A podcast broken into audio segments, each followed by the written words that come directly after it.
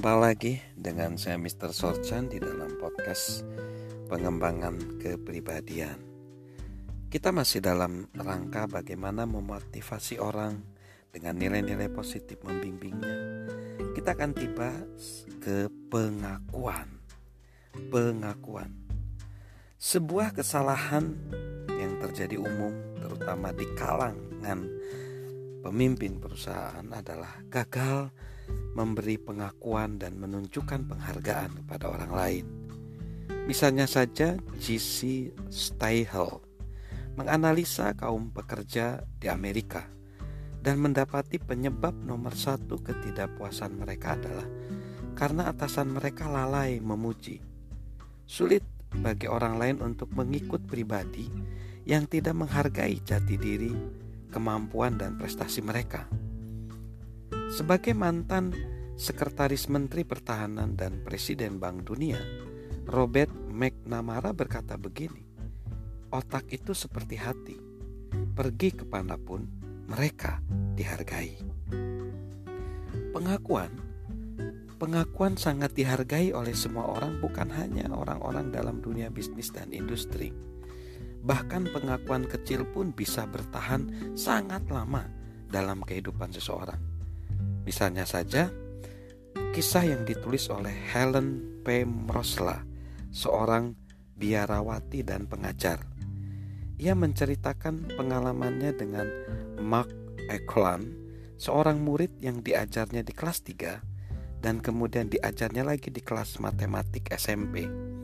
Berikut ini kisahnya. Pada suatu hari Jumat di kelas, segala sesuatu terasa tidak benar kami berjuang menggarap konsep baru sepanjang minggu itu, dan saya merasa para murid semakin frustasi dengan diri mereka sendiri dan menjadi lekas marah terhadap satu sama lain. Saya harus menghentikan suasana mudah tersinggung ini sebelum keadaan menjadi tak terkendali. Jadi, saya meminta mereka menuliskan nama semua murid lain di ruangan itu pada dua lembar kertas, menyisakan ruang di sela setiap nama. Lalu saya meminta mereka memikirkan hal paling manis yang bisa mereka katakan tentang masing-masing orang dan menuliskannya di kertas. Dibutuhkan seluruh sisa waktu jam pelajaran untuk menyelesaikan tugas itu. Namun, ketika para murid meninggalkan ruangan, masing-masing menyerahkan kertas mereka. Pada hari Sabtu, saya menuliskan nama setiap murid pada selembar kertas terpisah dan mendaftar apa yang dikatakan semua murid lain tentang individu tersebut. Pada hari Senin, saya memberi setiap siswa daftar masing-masing. Ada beberapa daftar yang panjangnya mencapai dua halaman. Tak lama kemudian, seluruh kelas seluruh kelas tersenyum Sungguh, saya mendengar bisikan seperti ini. Aku tak pernah tahu betapa hal itu berarti bagi seseorang. Juga, aku tak menyangka murid-murid yang lain sangat menyukaiku. Tak seorang pun pernah membicarakan kertas-kertas itu lagi di kelas. Saya tidak tahu apakah mereka membincangkannya setelah sekolah atau dengan orang tua mereka. Tapi itu tidak penting. Latihan itu sudah mencapai tujuannya Murid-murid merasa bahagia dengan diri mereka sendiri dan terhadap satu sama lain. Angkatan kelas itu pun lulus. Beberapa tahun kemudian, saya baru saja pulang dari beribur, dan orang tua saya menjemput saya di bandara.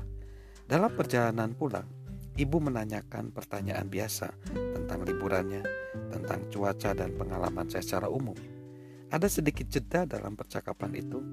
Ibu melirik ke ayah dan sekilas berkata, "Dad, Ayah, ayah saya berdeham dan berkata, keluarga Eklan menelepon semalam ujarnya. Sungguh, kata saya, aku tak pernah mendengar kabar dari mereka selama bertahun-tahun. Aku penasaran bagaimana kabar Mark. Ayah menanggapi dengan pelan, Mark gugur di Vietnam katanya. Pemakanan, pemakanannya akan diadakan besok dan orang tuanya akan senang kalau kamu bisa hadir. Sampai hari ini, saya masih bisa menunjukkan tempat di jalan I-49 itu persis di mana ayah memberitahu saya tentang Mark. Saya tidak pernah melihat seorang prajurit dalam peti mati militer sebelumnya. Gereja itu penuh sesak dengan teman-teman Mark, tem mantan teman sekelasnya. Adik Chuck menyanyikan The Battle Hymn of the Republic. Mengapa pula harus turun hujan hari pemakaman itu? Suasana sudah cukup berat di sekeliling kuburan. Sang pendeta memanjatkan doa pengiring dan si peniup trompet memainkan instrumennya. Satu persatu orang yang mengasihi mak menghampiri peti mati dan memercikkan air suci. Saya adalah orang terakhir yang mendoakan peti mati itu.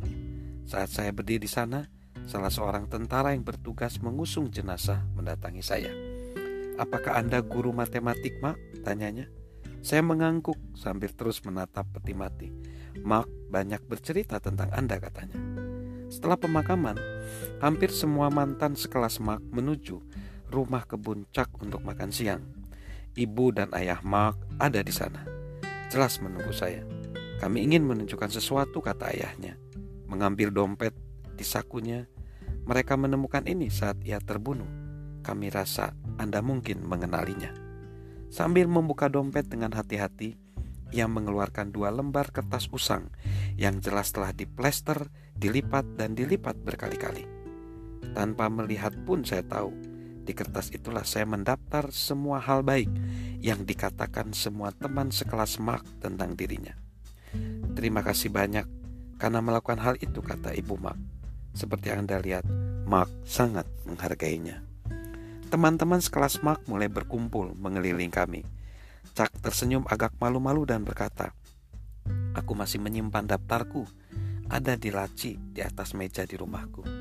Istri John berkata, John memintaku menyelipkannya di album pernikahan kami. Punyaku juga masih ada, kata Marilyn. Ada di buku harianku. Kemudian Vicky, teman sekelas lain, merogoh tas tangannya, mengeluarkan dompet dan menunjukkan daftar yang usang dan sobek-sobek pada kerumunan itu. Aku membawanya setiap saat, kata Vicky, tanpa ragu. Kurasa kita semua menyimpan daftar kita. Saat itulah saya akhirnya duduk dan menangis. Apa yang membuat begitu banyak orang dewasa berpegang pada potongan kertas mereka yang mereka daftarkan bertahun-tahun sebelumnya saat masih kecil? Bahkan membawa kertas itu ke mana pun mereka pergi, sampai ke medan perang di sawah belahan dunia lain. Jawabannya adalah penghargaan. Semua orang sangat lapar akan penghargaan dan pengakuan. Saat kita bergaul dengan orang lain, berjalanlah perlahan-lahan menembus kerumunan. Ingatlah, nama setiap orang dan ambillah waktu untuk menunjukkan bahwa kita peduli. Prioritaskan orang lain dalam hidup kita di atas segala hal lainnya, termasuk agenda dan jadwal kita. Berilah orang lain pengakuan di setiap kesempatan. Itu akan membangun dan memotivasi mereka. Itu akan membuat kita menjadi pribadi yang berpengaruh penting dalam hidup mereka. Salam sukses luar biasa dari saya, Mr. Sorchan. thank you